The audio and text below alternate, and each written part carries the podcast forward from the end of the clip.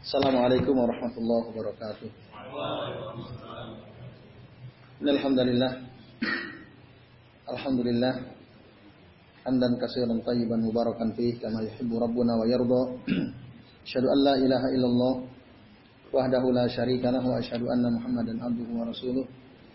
Allahumma salli wa sallim ala Muhammad wa ala ali Muhammad kama sallaita ala Ibrahim wa ala ali Ibrahim.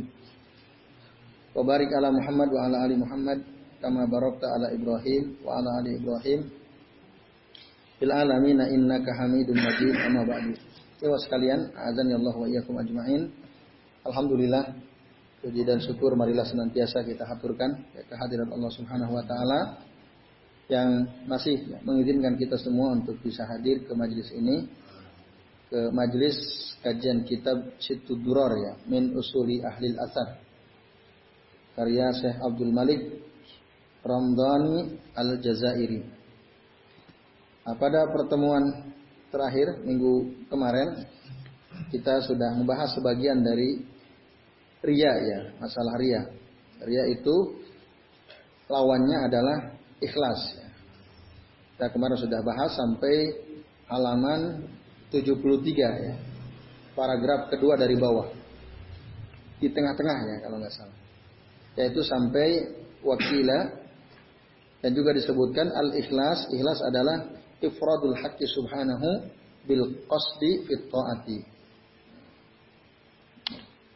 Jadi mengesahkan Allah yang hak dalam tujuan pada ketaatan.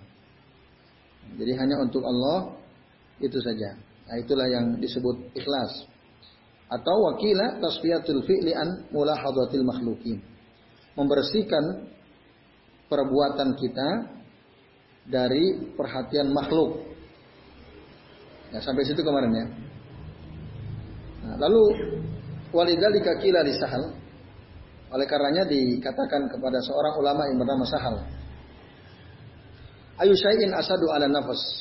Apakah sesuatu yang paling sulit bagi jiwa seseorang? Lalu dia menjawab al-ikhlas. Yang paling susah dilakukan oleh seseorang adalah ikhlas li'annahu laisa laha fihi nasib. Karena ikhlas itu ya, tidak ada bagian untuk jiwa seseorang. Dia nggak dapat bagian. Itulah ikhlas. Yang maksud nggak dapat bagian apa? Ya nggak dapat apa-apa. Dia melakukan sesuatu orang nggak kenal, nggak tahu, orang nggak dengar. Nah, itu sehingga wah susah, berat gitu. Pujian nggak dapat, orang nggak ngerti kan. Ya padahal sudah melakukan sesuatu yang positif gitu ya. Maka ini berani. Itu kata Sahal. Lalu Abu Bakar Al-Marwazi mengatakan, Aku mendengar ya seseorang berkata kepada Abi Abdullah. Abi Abdullah yang dimaksud Abi Abdullah adalah Imam Ahmad bin Hambal ya, punya anak eh, di, dikasih kunyah Abu Abdullah, punya anak Abdullah juga, nama salah satu nama anaknya. Apa yang dikatakan oleh seseorang kepada Abu Abdullah ini? Wa lahu asyidku wal ikhlas. Lalu disebutkan di hadapannya tentang kejujuran dan ikhlas. Maka berkatalah Abu Abdullah, bihada irtafa'a al-qaum. Nah dengan ikhlas inilah suatu kaum akan naik derajatnya. Jadi kalau ada suatu kaum dia punya keikhlasan, ada ikhlas di pada diri mereka, maka naiklah derajat mereka. Bihada irtafa'an al-kaum. Tapi kalau enggak ada ikhlas, justru jatuhlah mereka. Itu kebalikannya. Maka oleh karena ini para ulama dulu aimatu hadhil ummah, para ulama dari kaum muslimin, mereka itu yakrahuna as-sufrah. Mereka tidak suka popularitas mereka benci popularitas. Wa yuhibbuna khumulal dzikr. Bahkan mereka lebih senang namanya itu tidak dikenal oleh orang. Orang nggak nggak tahu, nggak kenal. Nah, riayatan minhum li ikhlasihim karena mereka memperhatikan keikhlasan mereka. Jadi kalau orang mulai populer, terkenal nanti keikhlasan lambat laun akan hilang. Apalagi ketika misalnya dia merasa tidak dihormati dan seterusnya. Wah aku udah usah terkenal kok. nggak dihormati, kan? Dia merasa ujub pada dirinya sendiri. Maka para ulama dulu mereka tidak suka sukroh. Kemudian karena tadi mereka memperhatikan keikhlasan dan takut hati mereka terkena fitnah al-madah, fitnah pujian dari orang lain. Paminan nasi man yubtala biwati akibihi. Dan di antara manusia ada yang diuji oleh sesuatu yang bisa menimbulkan fitnah. Ada di antara manusia yang diuji oleh Allah dengan sesuatu yang tadi menimbulkan fitnah. Bagaimana bentuk konkretnya misalnya ada orang diuji karena dianggap alim gitu ya. Lalu orang pada cium tangan, bahkan cium tangan bolak-balik. Ada tokoh di Jogja ini punya pesantren. Wah itu ketika pulang itu santri dan santriwatinya padahal udah pada nampaknya udah pada kuliah ya kalau dilihat dari umurnya. Wah itu hampir semua salamannya itu bolak-balik. Baik laki-laki maupun perempuan. Nah, di daerah Sleman sana pondok pesantrennya. Saya nggak usah sebut pondoknya ya. Nah itu. Tapi sudah inilah namanya udah populer ya, bukan hanya di Jogja, termasuk karena di YouTube banyak ininya. Videonya itu. Itu videonya tersebar juga itu. Jadi sampai santrinya itu cium tangan bolak-balik itu. Nah, ini ya. Itu fitnah. Maka disebut watakbilu yadihi wa tawassu'ati lahu fil majlisi. Jadi diluaskan majlis untuknya wal isarati ilaihi bi du'ai raja'a barakatih. Dan disebut-sebut namanya dalam doa orang-orang mengharap keberkahan darinya. Dan yang sejenis dengan itu. Paman qala nasibuhu minal ikhlas, barang siapa yang sedikit keikhlasannya ajabahu dzalika, dia akan takjub dengan sikap orang memuliakan dia, takjub. Wa rubbama talabahu, bahkan dia akan meminta. Ketika orang cium tangan dia akan minta, "Kenapa kamu cium tangan?" Nah, dia akan contohnya begitu. Orang nggak ikhlas begitu. Ini uh, ujian sesungguhnya bagi seseorang ya. Maka para ulama dulu mereka khawatir jangan-jangan tidak kuat dengan ujian itu. Maka mereka tadi tidak mau dikenal namanya, tidak mau populer dan seterusnya. Walaupun tentu saja ya, ini tidak mutlak tidak boleh. Kalau seseorang dia kuat dengan godaan popularitas, dia kuat dengan puji-pujian artinya dipuja-puji orang dia tidak ujub, lalu diremehkan orang dia juga tidak sengsara begitu ya. Dia populer misalnya, itu tidak ada masalah. Karena bisa jadi dengan popularitas itu orang bisa lebih mudah menerima kan, karena dia populer kan, mungkin. Jadi tidak tidak mutlak populer itu uh, haram ya. Kecuali tadi kalau dia mampu maka tidak ada masalah. Nah para ulama dulu mungkin karena mereka merasa mereka merasa tidak mampu, tidak kuat dengan popularitas. Makanya mereka yakrahuna syukra. Nah, contoh ada beberapa ulama disebutkan di sini. Contoh dulu ada ulama namanya Ayub. Hamad bin Zaid rahimahullah, ini muridnya. Pernah kata beliau, kuntu amsi ma'a Ayub. Aku pernah suatu saat berjalan bersama Ayub. Fayakhudhu bi fi turukin. Lalu dia membawa aku ke jalan-jalan. Ke jalan-jalan yang tidak biasa begitu. Ini la ajabu kaifah tadalaha. Saya heran. Bagaimana kok dia bisa melewati jalan-jalan tersebut maksudnya. Ternyata apa? Firaran minan nasi an yuqala hadza ayyub. Untuk menghindari orang-orang nah, yang akan mengatakan, oh ini Ayub, ini Ayub. Oh ini saya Ayub, ini saya Ayub gitu. Beliau nggak mau itu. Dihormati secara berlebihan oleh orang-orang, maka Beliau melewati jalan-jalan yang sepi ya, jalan-jalan yang orang tidak bisa melihat beliau. Nah ini kesaksian dari Hamad bin Zaid bagaimana tawaduknya Ayub. Lalu dia mengatakan juga wakana Ayub yakhudhu bi fi tariqin wa abad. Pernah juga Ayub membawa aku ke jalan yang jaraknya cukup jauh.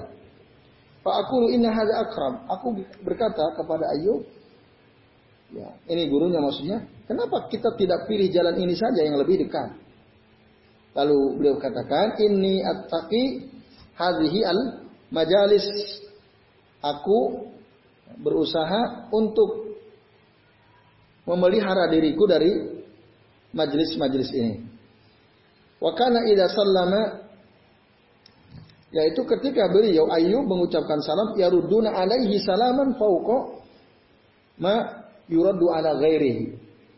Karena saking orang menghormati Ayub, jadi kalau ada Syekh Ayub datang, orang kalau menjawab wah luar biasa, sambutannya hangat sekali. Beda kalau ada Syekh lain yang datang. Nah, jadi beliau sangat dihormati ini Ayub. Nah, beliau nggak mau itu.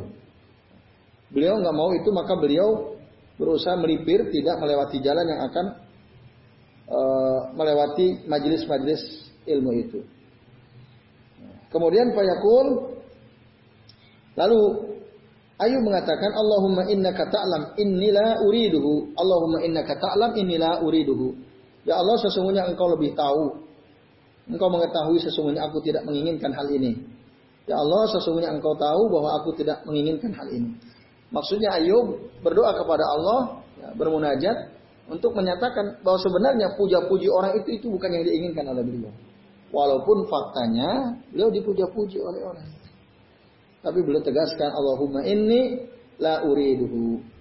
Ini satu ya, contoh tokoh Ayub yang sangat tawadu. Nah, padahal tawadu sendiri itu luar biasa ya. Jadi man tawadu'a lillahi rafa'ahullahu darajatahu. Barang siapa yang bersikap tawadu karena Allah, Allah akan angkat derajatnya. Tawadu kan nazmi la hali nadhirin ala safahatil ma. Wala takun kaddukhani ya'lu bi nafsihi ya ila samai wa huwa wadi katanya. Kata para ulama. Tawadu bersikap tawadulah engkau kan najmi bis sama seperti bintang di langit laha linadhirin fil ma'i wa huwa rafi. Nampak di atas air seakan-akan bintang itu di bawah kan? Kalau kita lihat air bintang di atas langit kan kelihatan di air yang jernih. Kesan kita oh bintang di bawah kan? Nah, laha linadhirin wa huwa rafi. Padahal sesungguhnya bintang itu ada di di atas. Tapi orang lihatnya Kayak rendah banget ya orang, padahal dia tinggi asli. Itu. Jadilah seperti kan najm, seperti bintang. Wala takun kadukhan katanya. Dan jangan engkau seperti asap.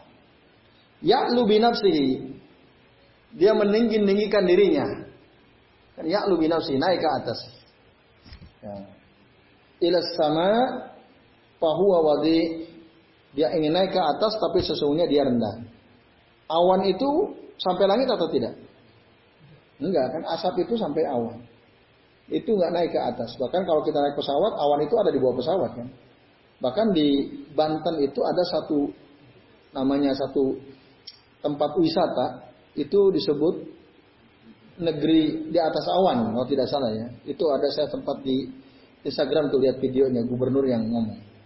Itu betul-betul waktu posisi kita ada di situ, awan itu di bawah. Nah, artinya rendah. Apa? Asap itu rendah. Tapi wahwa ya'lu bi nafsihi ila sama fahuwa wadi. Begitulah orang-orang yang bersikap ujub pada dirinya tidak tawadu dia itu seperti dukhon ya seperti asap. Itu kata para ulama. Nah kemudian tokoh lain dikatakan di sini Abu Zur'ah Yahya bin Abi Amru dia bercerita tentang seorang tokoh namanya Abduhak bin Qais. Abduhak bin Qais tokoh penting juga. Seorang alim juga. Suatu kali beliau pas bin nas meminta hujan. Jadi nggak turun hujan. Beliau berdoa minta hujan. Walam yumtiru walau walam yarau sahaban. Tapi waktu Dohak bin Qais berdoa, Enggak hujan-hujan. Padahal ditokohkan itu hati. Bahkan boro-boro hujan, awan aja nggak kelihatan awan. Nah. Tapi ya beliau sadar. Akhirnya Fakar Dohak, Dohak berkata, Aina Yazid bin Al-Aswad. Mana tokoh yang namanya Yazid bin al-Aswad. Ini orang soleh. Dohak nanya mana Yazid bin al-Aswad. Wa fi riwayatin dalam kami katakan falam yujibhu ahad. Waktu itu tidak ada seorang pun yang menjawab. Sampai akhirnya Abdul bin Qais mengulang lagi Aina Yazid ibn al-Aswad al-Jarashi. Nah, azam tu alaihi in kana yasma'u kalami ala uh, kalami illa qam. Aku ingin jika dia Yazid bin Al-Aswad Al-Jarasi mendengar perkataanku, aku berharap dia berdiri ya. Fakal akhirnya setelah beberapa, beberapa kali Abdullah bin Qais berkata seperti itu, mana mana Yazid bin Al-Aswad Al-Jarasi. Nah, setelah tiga kali atau beberapa kali, maka berkatalah tokoh yang bernama Yazid bin Al-Aswad, Haza ana, ini saya. Jadi Dohak nggak kenal, tapi beliau terkenal dengan kesalihannya. Siapa sih Yazid bin Al-Aswad? Tadi ya, Yazid bin Al-Aswad Al-Jarasi, terkenal. Tapi Dohak bin Qais belum tahu orangnya mana. Ketika beliau masuk ke kampungnya uh, Yazid bin Al-Aswad Al-Jarasi, mana bertanya mana mana Yazid, mana Yazid? Akhirnya setelah beberapa kali dia bangun, saya ini, ini saya, Qal lalu dah berkata kum berdirilah engkau fastas palana ya Allah azza wa jalla an yuskiana mintalah uh, syafaat untuk kami kepada Allah supaya Allah menurunkan hujan kepada kami. Akhirnya Yazid bin Al Aswad ini beliau berdiri lalu menundukkan kepalanya ya, sebahu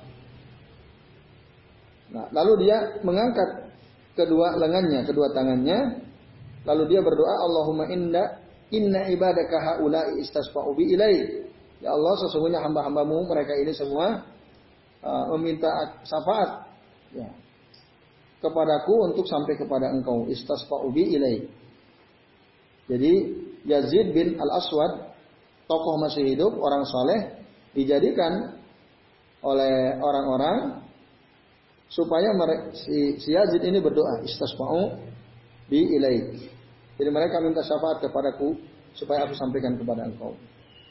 Nah, tidaklah Yazid bin Al-Aswad Al-Jarasi berdoa tiga kali ya illa salasan hatta umtiru motoron kadu yagrikuna minhu. Wah, doanya langsung diijabah. Langsung diijabah.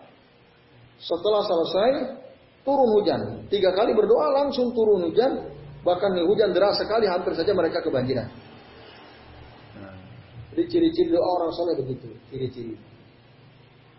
Walaupun ketika nggak dikabulkan, belum nggak juga kita bisa oh ini berarti dia nggak soleh, nggak nggak bisa begitu juga. Karena itu Allah yang ngatur ya. Bisa jadi ketika turun fitnah bisa jadi. Nah makanya bagaimana lalu sikap Yazid bin Al Aswad? Lalu dia mengatakan, Allahumma inna ibadaka haula'i istasfa'u bi ilaik. Ya Allah, sesungguhnya hamba-hambamu mereka ini ya, menjadikan aku sebagai perantara. Istasfa'u bi ilaik. Untuk kusampaikan kepada engkau ya Rabb. Famada'a illa salasan. Dan tidaklah Yazid berdoa kecuali hanya tiga kali hatta umtiru. Sehingga turunlah hujan matoran kadu ya minhu. Hampir-hampir saja orang-orang itu tenggelam dalam lautan hujan tadi, air hujan. Semua lalu dia mengatakan, Inna hadza qad saharani, inna hadza qad saharani, fa'arihni minhu. Ya Rab, ya Allah sesungguhnya ini telah menjadikan aku jadi terkenal. Jadi viral kalau sekarang. Ya. Viral kalau ada medsos mungkin jadi viral sekarang. Disebabkan tadi, oh ada Yazid bin Al Aswad Al Jarasi, dia itu dahsyat. Tiga kali berdoa, hujan langsung turun. Nah, maka populerlah beliau. Jadi viral itu tadi. Nah, lalu beliau mengatakan, Inna hadza qad sahar qad saharani fa'arifni minhu ya Rabb. Sesungguhnya ini telah membuat aku menjadi populer. Maka istirahatkanlah aku dari dari ini. Artinya beliau nggak mau begitu dikenal oleh orang-orang. Ya. Fama bisa ba'da dzalika illa jum'atan hatta dan tidaklah dia hidup setelah tadi kasus berdoa langsung, langsung turun hujan. Kecuali hanya selang satu hari itu terjadi hari Kamis tadi ya yang turun hujan dari doanya uh, Yazid bin Al Aswad nah selang satu hari hatta mata akhirnya beliau meninggal dunia. Betul-betul dijawab oleh Allah doanya. Nah ini salah satu bentuk kesolehan dan karomah Yazid bin Al Aswad itu teman sekalian. Ini yang diceritakan oleh Abu Zur'ah Yahya bin Abi Amru bin Abi Amru. Nah kemudian lalu apa kata saya Abdul Malik uh, Ramdhani al Jazairi ya penulis kitab ini beliau mengatakan wa ajma'u ta'rif lil ikhlas itu definisi paling lengkap untuk kata ikhlas aku berpandangan ini kata siapa ini? Ya, kata Syekh Abdul Malik Ramdhani Al Jazairi aku kumpulkan definisi-definisi ikhlas yang aku tahu.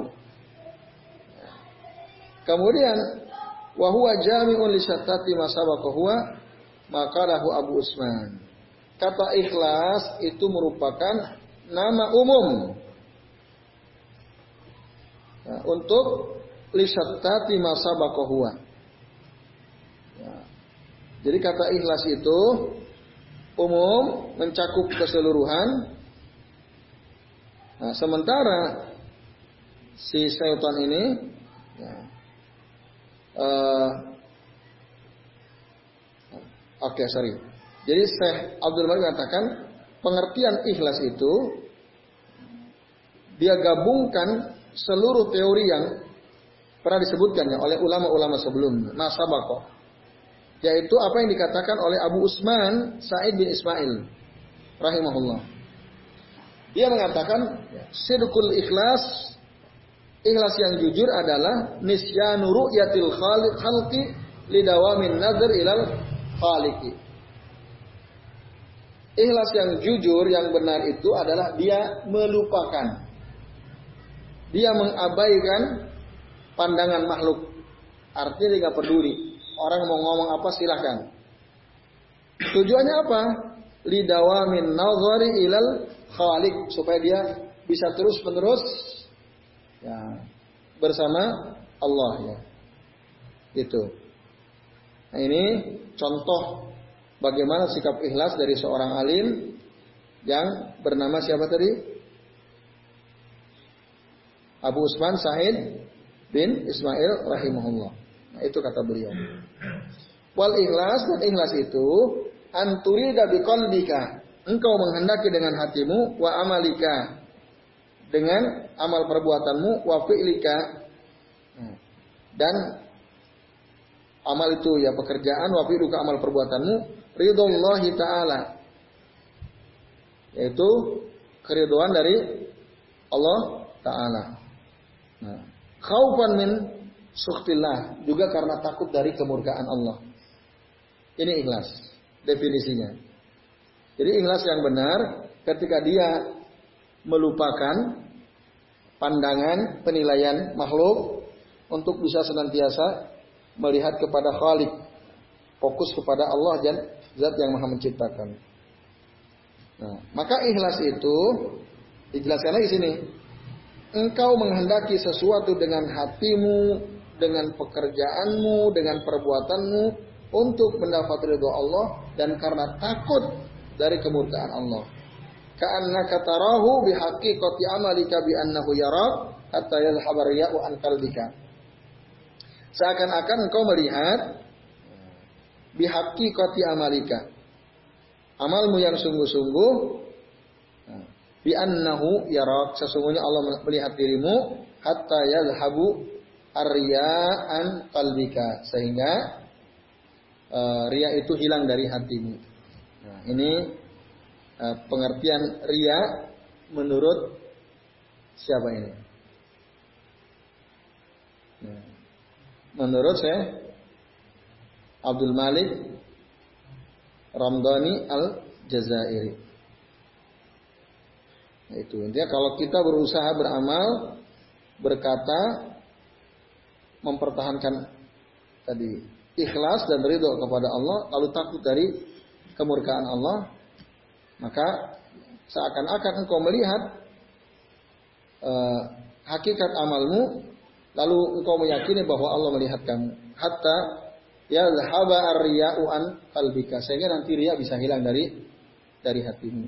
Nah, ini uh, paragraf pertama ya dari kalau di kitab aslinya halaman 40 ya. Ada tiga paragraf lebih ini pembahasan empat ya pembahasan terakhir dari bab riya. Summa tudkaru minatullahi alaika id waqqafa waqqafaka id waffaqaka lidzalikal amal. Nah, kemudian ingatlah kamu ya ini untuk meredam riya ya. Teknisnya redamlah summa tudkaru minat minatallahu alaik. Kemudian sebutkanlah karunia Allah kepada engkau. Sebutkan. Apa saja karunia Allah kepada kita? Bisa sholat berjamaah itu karunia. Bisa rutin baca Quran setiap hari ada sholat. Mungkin satu atau dua halaman. Itu karunia. Nah, maka itu harus diingat. Itu intinya.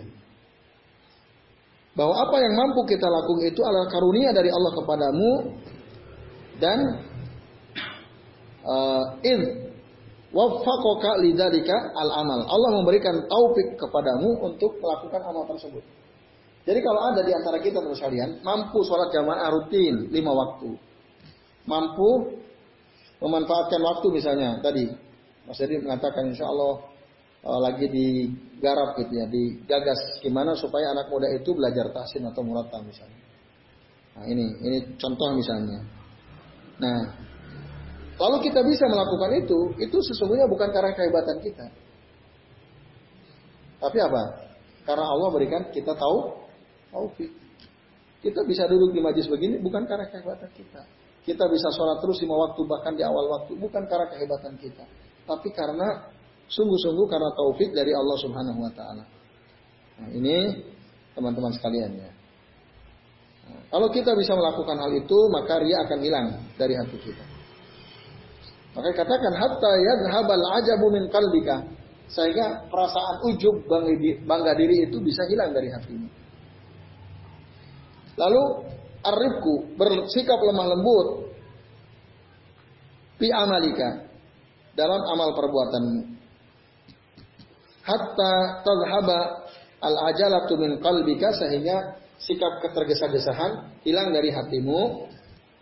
Maka Rasul pernah bersabda, tidaklah ya dijadikan untuk rasa kasih sayang pada sesuatu illa zanahu illa zanahu. Melainkan dia akan menghiasinya. Jadi kalau ada seseorang dikaruniai oleh Allah sikap lemah lembut arif. Allah karuniakan kepadanya itu maka dia ini ya berarti sudah mendapatkan taufik tadi. Taufik. Nah, itu jadi lalu kemudian engkau gunakan kasih sayang kelembutan dalam amalmu sehingga engkau tidak tergesa-gesa. Hatta tadhhaba al ajalatu min qalbika. Sehingga hilang tuh sikap ketergesahan di dalam dari hatimu. Lalu Rasul berkata tadi tidaklah dijadikan rasa kasih sayang pada sesuatu melainkan itu akan menghiasinya. Wa manuzi amin syai'in illa syanahu dan tidaklah ada seorang pun yang dicabut darinya wa manuzi amin syai'in illa syanahu jadi uh, rasa kasih sayang itu dicabut dan tidaklah ada orang yang rasa kasih sayang nuzi amin syai'in dicabut dari rasa kasih sayang itu illa syanahu melainkan itu akan merusak diri orang tersebut. Jadi sekalian, jadi kalau ada orang dia kok punya sikap lemah lembut, nah itu akan menaikkan ya, derajat dia. Itu kalau ada orang bisa terus lemah lembut gitu ya. Nah, dalam segala aktivitas kita. Nah, akhirnya juga ketergesa-gesaan akan hilang dari hati kita. Maka kalau sikap lemah lembut itu dicabut wa manuzi amin syai'in illa syanahu. Melainkan pasti kaum tersebut akan rusak. Akan rusak. Itu. Kemudian qala Abu Usman wal ajalatu atba'u al hawa. Al ajalatu atba'ul hawa. Ini kata Usman. Maksudnya apa? Maksudnya ketergesa-gesahan itu cenderung mengikuti hawa nafsu. Sedangkan kelemah lembutan cenderung mengikuti sunnah. Kalau kamu sudah tahu ya, dari amal perbuatanmu, lalu kemudian hatimu takut dari azab Allah, ya, atau hatimu takut kalau amal perbuatanmu itu tidak diterima atau ditolak oleh Allah Subhanahu wa taala. Fala yaqbaluhu minka. Maka kalau Allah taala Allah taala berfirman, "Walladzina yu'tuna ma atau wa qulubuhum wajilatun annahum ila rabbihim raji'un." Artinya, dan orang-orang yang mengeluarkan sesuatu apa yang sudah mereka keluarkan, infak, sodako misalnya, wa qulubuhum wajilah Lalu hati mereka takut ya, wajilah itu takut. Wa qulubuhum wajilah. Nah, annahum ila rabbihim rajiun, sesungguhnya mereka itu akan kembali kepada Tuhan kepada Tuhan mereka. Nah, ini ikhwas sekalian dari Al-Qur'an surah Al-Mu'minun ayat 60 tadi ya. Walladzina yu'tuna ma atau wa qulubuhum wajilatun annahum ila rabbihim raji'un. Nah, ini ayatnya ini. Nanti silakan dibuka surah Al-Mu'minun ayat 60. Lalu kemudian saya Abdul Malik Ramdhani Al-Jazair mengatakan wa ta'ammal hahuna. Coba kamu perhatikan ini. Renungkan ini. Bagaimana sikap lemah lembut Kaifa ja'lu arifki? Bagaimana caranya supaya bisa punya sikap arif ya, lemah lembut. Dikatakan huwa ittiba'u sunnah. Caranya supaya hati ini lembut, ikuti sunnah. Ikuti sunnah yang diajarkan oleh Nabi Shallallahu Alaihi Wasallam. Nah, itu. Jadi ikuti sunnah. Wadalika anna nafsa tahwi al-asya. Karena hal itu menunjukkan bahwa jiwa seseorang itu tahwi asya. Tahwi itu maksudnya uh, mengikuti atau turun ya asya pada banyak hal. Tapi kalau kamu wa hawaitaha kalau kamu mengikutinya, tolab taha, kamu mencarinya ala ajalin uh, berdasarkan ketergesa-gesahan li'anna hadhuha fi. Karena di situlah bagiannya. Jadi orang yang tergesa-gesa, bagian mereka yang bagaimana caranya supaya membuat orang itu tergesa-gesa, tidak santai. Wahadal hawa la yuksiru suratahu illa at-ta'anni. Dan hawa nafsu ini, syahwat ini tidak akan bisa dibinasakan, tidak akan bisa dihancurkan bentuknya kecuali dengan sikap at-ta'anni. At-ta'anni itu waspada pelan-pelan. Nah, dulu saya diajarin uh, mahfuzat itu ya. Fi at-ta'anni as-salamatu dalam sikap ta'anni ta'anni itu pelan-pelan, tenang, waspada, maka di situlah terletak ada keselamatan. Itu, terus sekalian. Nah, lalu lah biainil hawa, tidak memandangnya dengan kacamata hawa nafsu. Oleh karenanya, ketika Nabiullah Ibrahim alaihissalam uh, Qala Ibrahim maaf sorry. Walidzalika qala Ibrahim al-Khawas. Ini ada seorang tokoh nama Ibrahim al-Khawas dia mengatakan al-ajalatu tamna'u min isobatil haq. Sikap ketergesa-gesahan itu bisa mencegah seseorang dari perbuatan yang hak min isobatil hak itu. Nah, lalu yang terakhir paragraf terakhir terus kalian. Ini paragraf terakhir. Kalau di buku antum halaman 77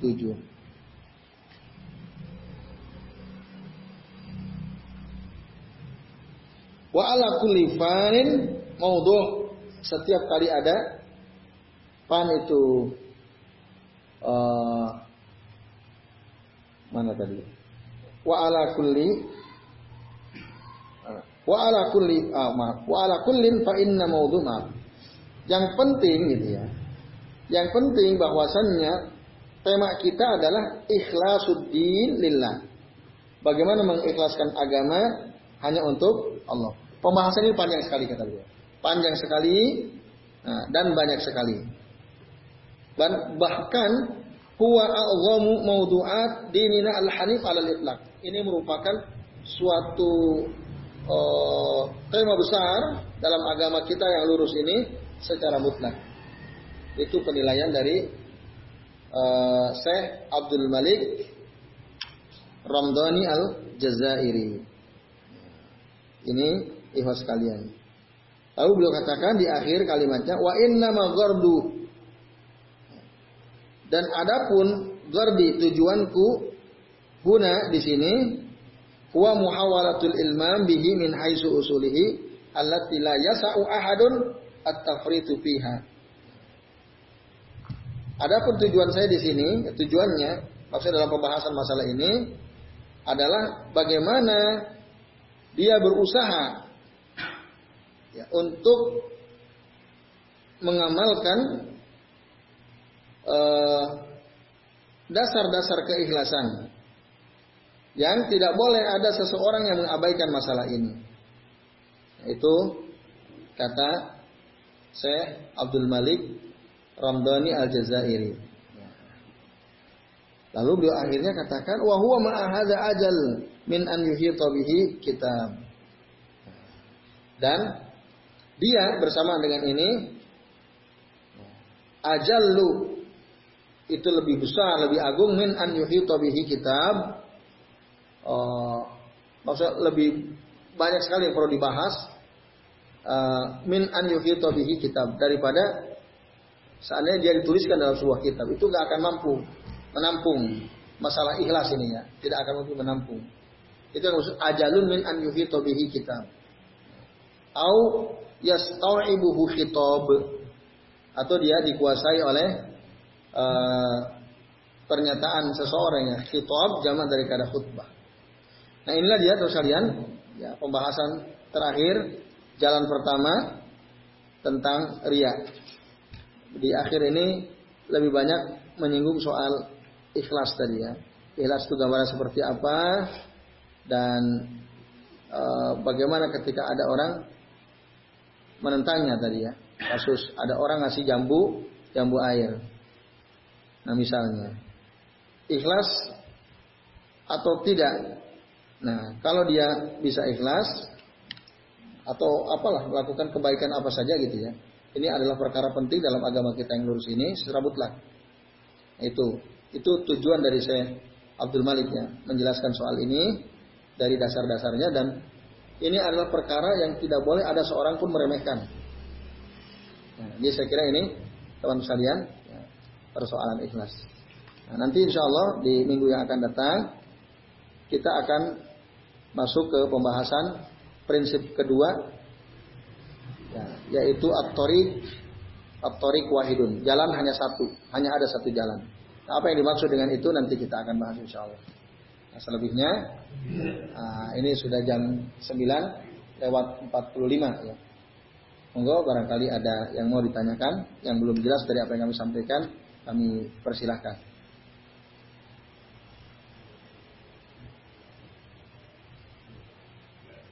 Jelas ya? Ya, silahkan. Mas Islam. Ya, silahkan. Ada yang Hmm. Inna malikul imri'in manawa hijratuhu dan Itu kan seterusnya. Besar dikatakan kalau siapa niatnya karena Allah maka dia akan mendapatkan dunia dan akhirat. Kalau dia niatnya untuk dunia maka dia akan mendapatkan dunia saja. Itu maksud eh, dalam hal itu itu untuk gimana, eh, apakah jujur apakah mendapat dunia itu Hmm. kan berarti Allah juga menyertai mendapatkan dunia itu. Makanya maksud untuk hadis itu seperti apa? Hmm. Terus eh, kedudukan antara niat dan ikhlas itu itu apakah ada runtutannya niat dulu baru ikhlas Hmm. atau kalau udah niat itu otomatis ikhlas menyertai ini Hmm. atau kebalikannya? Iya. Oke, makasih Mas Isna. Ah, baik. Tentang hadis tadi ya, innamal a'malu binniyat wa innamal likulli imri'in ma nawa. Faman kanat hijratuhu ila Allah wa rasulihi fa hijratuhu ila Allah wa rasulihi. Faman kanat hijratuhu lidunya yu- yusibuha wa man kanat hijratuhu limra'atin yankihuha ya. Fa hijratuhu ila ma hajaru ilaihi. Jadi lengkapnya itu hadis itu ya. Jadi sesungguhnya setiap amal itu tergantung niatnya. Akan dan seseorang akan mendapatkan pahala atau tidak sesuai dengan yang diniatkannya. Kalau dia dalam konteks hijrah niatnya untuk Allah dan Rasulnya, taat untuk Allah Rasulnya, maka dia akan dapat pahala dunia dan akhirat. Tapi kalau dia niatnya seseorang hijrah itu niatnya untuk dapat keuntungan duniawi misalnya. Ah, saya di sini apa kalau dulu kan kasusnya dari Makkah ke Madinah ya di Makkah ini susah hidup biar hidup saya leluasa enak berbisnis udah deh saya ikut hijrah aja deh nah nanti dia akan dapat tuh dunia akan dia dapatkan tapi pahalanya di akhirat nggak ada pahala taatnya nggak ada tapi apa yang dia inginkan akan dia dapatkan nah atau sebaliknya barang siapa yang berhijrah niatnya karena ada wanita yang dia cintai ikut hijrah juga. Oke, dia aku ikut hijrah karena kamu hijrah, aku ikut hijrah. Bukan karena Allah dan Rasulnya. Nah, maka dia akan mendapatkan yang kihuha. Dia akan menikahi si wanita yang diinginkan itu, tapi pahala ketaatannya nggak ada. Nah itu. Allah akan kasih. Dalam Al-Quran bahkan ada ya ayat yang ini eh, intinya barang siapa yang menginginkan kehidupan dunia sebentar. Aman yuridu hayat itu.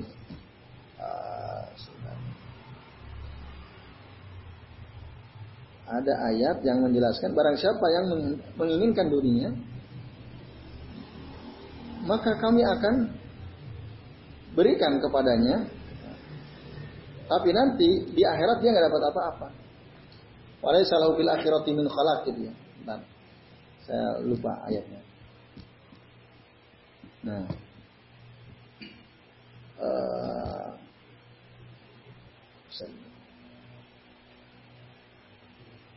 saya- Lam fil akhirah. Ya.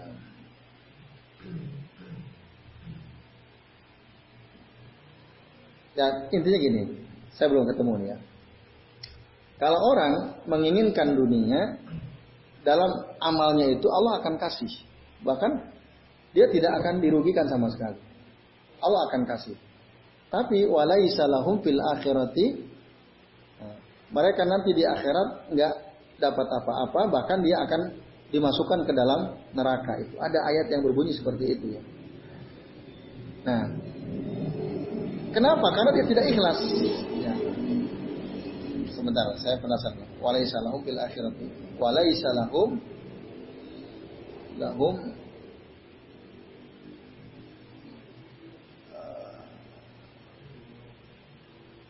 Ya Rabb, ya.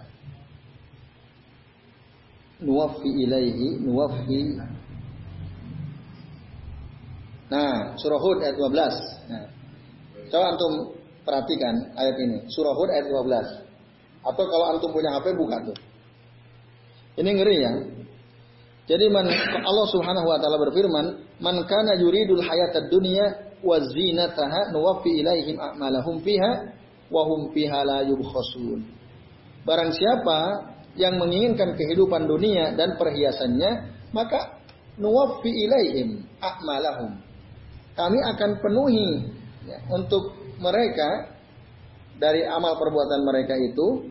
Nah, pasti akan Allah kasih gitu ya balasan dengan penuh apa yang mereka lakukan itu di dunia fahum nah, wahum fiha la yubkhasun dan mereka di dunia tidak akan dirugikan itu Allah bilang gitu orang ingin kehidupan dunia dari amal perbuatannya misalnya dari sholatnya dari zikirnya dari dakwahnya dan lain sebagainya dia inginkan dunia nuwafi ilaihim a'malahum.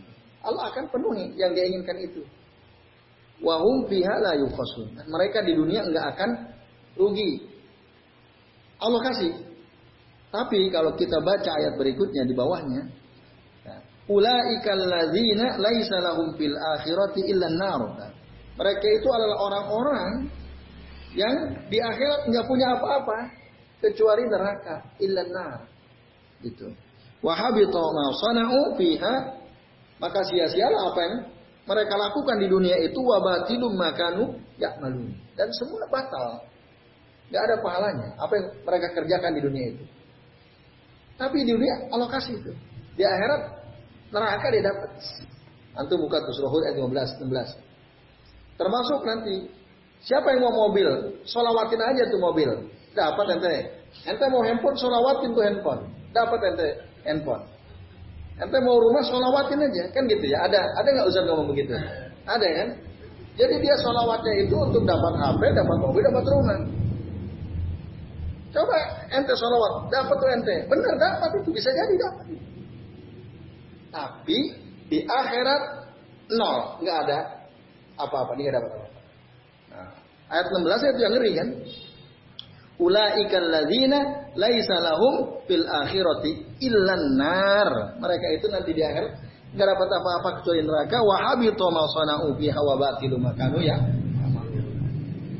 Jadi solawatnya rajin. Karena yang ada di pikirannya apa? Beli handphone apa? Merek yang terhebat begitu ya. Nah, iPhone apa? tipe berapa begitu. Allahumma sholli ala Muhammad. Allahumma sholli ala Muhammad. Nah, tapi Nah, ini ini bahaya. Nah. tapi sayang itu ada ustadz yang selalu begitu gitu. Nah, disolawatin aja itu dapat. Nah. Nah. ini hati-hati ya. Jadi itu kan jadi dia ibadahnya itu, salawat kan ibadah kan? Ya. Bukan untuk dapat keriduan Allah, bukan karena taat kepada Allah. Ya salawat jelas ibadah karena Allah nyuruh kan ya ayyuhalladzina amanu eh innallaha wa malaikatahu yusholluna 'alan nabi ya ayyuhalladzina amanu shallu 'alaihi wa sallimu taslima. Nah, tapi di salah gunain tadi ya, disalahgunakan. Salawat untuk dapat handphone tadi ya. Itu. Jadi itu Mas Isna. Jadi ayatnya udah jelas tuh ayatnya. Jadi jangan sampai kita dalam beramal itu menginginkan dunia. Nah. Lalu gimana kalau kita tadi ingin punya rumah? Caranya? Ya perbaiki sholat kita, ibadah kita, baca Quran kita, lalu setelah itu kita berdoa, boleh, minta, boleh sama Allah. Nah, jangan disolawat ini itu tadi bahaya. Jadi kalau kamu ingin sesuatu, mintalah sama Allah. Harus kan begitu. Berdoa sama Allah. Supaya doa kalian itu didengar oleh Allah, perbaiki ibadah kalian. Kan gitu yang benar. Nah, jadi agar ikhlasnya diperbaiki. Nanti minta sama Allah. Nah, bukankah Allah mengatakan nah, dalam Al-Quran kan jelas. Uh, Ida sa'alaka ibadi anni fa inni qarib ujibu da'wat tidak dakwat tada'i idza da'ani kata Allah. Apabila bertanya kepada engkau wahai Muhammad, hamba-hambaku tentang aku, katakan kepada mereka fa inni qarib aku dekat. Uji budak da'i idza aku akan jawab doa orang yang berdoa kepadaku ketika mereka berdoa ya kepadaku. Itu.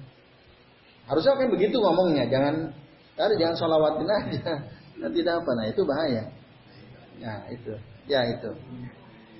Nah. Yang kedua niat sama ikhlas duluan mana? Ya. Sebaiknya bersama-sama ya. Ketika kita niat melakukan sesuatu, kita harus ikhlas. Gitu. Nah. Atau bisa juga niat dulu. Niat melakukan sesuatu nanti pada saat kita udah mau memulai, ya kita ikhlas. Gitu. Bisa bisa seperti itu urutannya atau bisa dari awal kita bagaimana sih supaya bisa ikhlas? Nah, kalau tadi kan disebutkan nih teorinya oleh para ulama nih. Jadi ikhlas itu seperti yang tadi di awal disebutkan, ikhlas itu adalah tasfiyatul fi'li an mulahadatil makhlukin. Membersihkan semua amal perbuatan kita dari perhatian orang-orang lain, dari makhluk. Ada kita sama sekali waktu berbuat sesuatu, suatu amalan yang kita harapkan bukan perhatian orang-orang, bukan perhatian makhluk. Nah, itulah ikhlas. Kita tidak mengharap apa-apa kecuali hanya ridho Allah ya. Karena kita takut akan kemurkaan Allah. Nah, atau kalau kita tambah ini, ini yang saya pahami ya dari beberapa kitab itu. Untuk bisa ikhlas, kunci pertama itu yang harus dimiliki adalah ilmu, punya ilmu. Maksudnya gimana? Kita tahu ilmunya bahwa apa yang kita lakukan itu diperintah. Gitu. Kita tahu bahwa apa yang kita lakukan itu ada perintahnya. Misalnya sholat duha. Bagaimana supaya bisa ikhlas? Kita harus ngerti. Apa itu sholat duha? Rasul bilang, tidaklah seseorang ya, dia bangun di pagi hari, lalu ada matahari terbit begitu ya. Melainkan dia diwajibkan untuk mensodakohi 360 ya. Salah sumiatin wasitina mibsolan. 360 persendian yang ada dalam tubuhnya. Nah, amar ma'ruf nahi mungkar sodako. Mengucapkan tasbih, tahmid, takbir, tahlil, sodako. Tapi itu semua bisa diselesaikan hanya dengan sholat duha dua, dua rakaat di uh, rokaatai sholat duha itu kata Nabi SAW. Artinya kalau ada orang sholat duha dua rakaat saja dalam satu hari, maka kewajiban dia untuk mensodakohi 360 persen dia tubuhnya selesai. Selesai. Tahu ilmunya itu, kata Nabi begitu. Berarti waktu kita sholat duha, karena kita taat. Ya Allah, saya ini punya kewajiban mensodakohi 360 persen dalam tubuh saya. Nabi mengatakan tadi bahwa sholat dua dua rakaat itu sudah cukup untuk mensodakohi kewajiban mensodakohi 360 persediaan dari satu hak dalam rangka itu taat. Nah, jadi tahu ilmunya jelas gitu, ada dalilnya kita ngerti meskipun mungkin tidak hafal tapi paham gitu, ada bahwa ada hadis yang mengatakan demikian. Nah, itu nanti kita bisa ikhlas karena tahu ilmunya. Atau membaca sholawat tadi. Ada ayatnya. Allah malaikat bersolawat kepada Nabi. Eh, orang-orang beriman bersolawatlah. Ucapkanlah salam kepada Nabi dengan sungguh-sungguh. Ya Allah nyuruh kita, udah saya sholawat. Allahumma sholli ala Muhammad. Karena kita ngerti. Tahu ilmunya. Tapi kalau nggak tahu ilmunya, ya susah ikhlas. Bahkan orang yang tahu ilmunya saja belum tentu ikhlas. Apalagi yang nggak tahu ilmunya kan gitu. Akhirnya sholat duha ngapain sholat duha? Biar rezekinya lancar. Jadi yang dicari dari suatu itu biar rezekinya lan, lancar. Apalagi kan ada doanya diajarkan itu Allahumma inna duha'a duha'uka wal baha'a baha'uka wal jamala jamaluka wal quwwata quwwatuka wal qudrata qudratuka. Terus Allahumma in kana rizki fis sama'i fa anzilhu wa in kana fil ardi fa akhrijhu wa in kana mu'siran fa yasirhu wa in kana haraman fa tahirhu wa in kana qalilan fa qasirhu bihaqqi duhaika wa bahaika wa jamalika wa quwwatika wa qudratika. Terus apa lagi? Apa enggak tuh? Nah, itu kan. Nah, ya Allah sesungguhnya waktu duha adalah waktu duha engkau. Nah, dan keindahan adalah keindahan engkau. Wal baha, keagungan adalah keagungan engkau. Kekuatan-kekuatan engkau dan kekuasaan-kekuasaan engkau. Ya Allah, in kana rizki fis samai fa'anzilhu. Seandainya rezekiku di langit turunkan. Seandainya rezekiku di bawah naikkan. Seandainya rezekiku sedikit banyakkan. Seandainya rezekiku sulit mudahkan. Seandainya rezekiku haram halalkan. Wah kan mantap betul ya. Doanya kan. Nah, habis itu sholat duha selesai kan? Itu kan populer sekali doa ini. Populer sekali. Nah, padahal nah dari situlah kemudian orang-orang punya persepsi emang sholat duha itu untuk cari rezeki, pembuka rezeki. Nah, sugihan ya. Nah, ini bahaya sekali. Nah, ternyata doa tadi itu memang tidak ada asalnya dari Nabi. Nabi nggak pernah ngajarin doa seperti itu. Kan mendikte banget itu. Ngatur betul. Ya Allah, turunin, naikin, banyakin, gampangkan, halalkan. Kan itu. Nah, ini. Nah, ini ya terus itu karena tadi apa? Dia tidak punya il ilmu. Saya sering tuh nanya pada beberapa jamaah gitu. Gimana coba sholat duha doanya? Rata-rata itu yang hafal. Bahkan kan si ada artis itu penyanyi bikin lagu dari doa sholat duha itu, Sahrul Gunawan itu. Punya lagu kan? Nah itu. Inti lagu itu sebenarnya terjemahan dari doa yang tadi saya baca itu.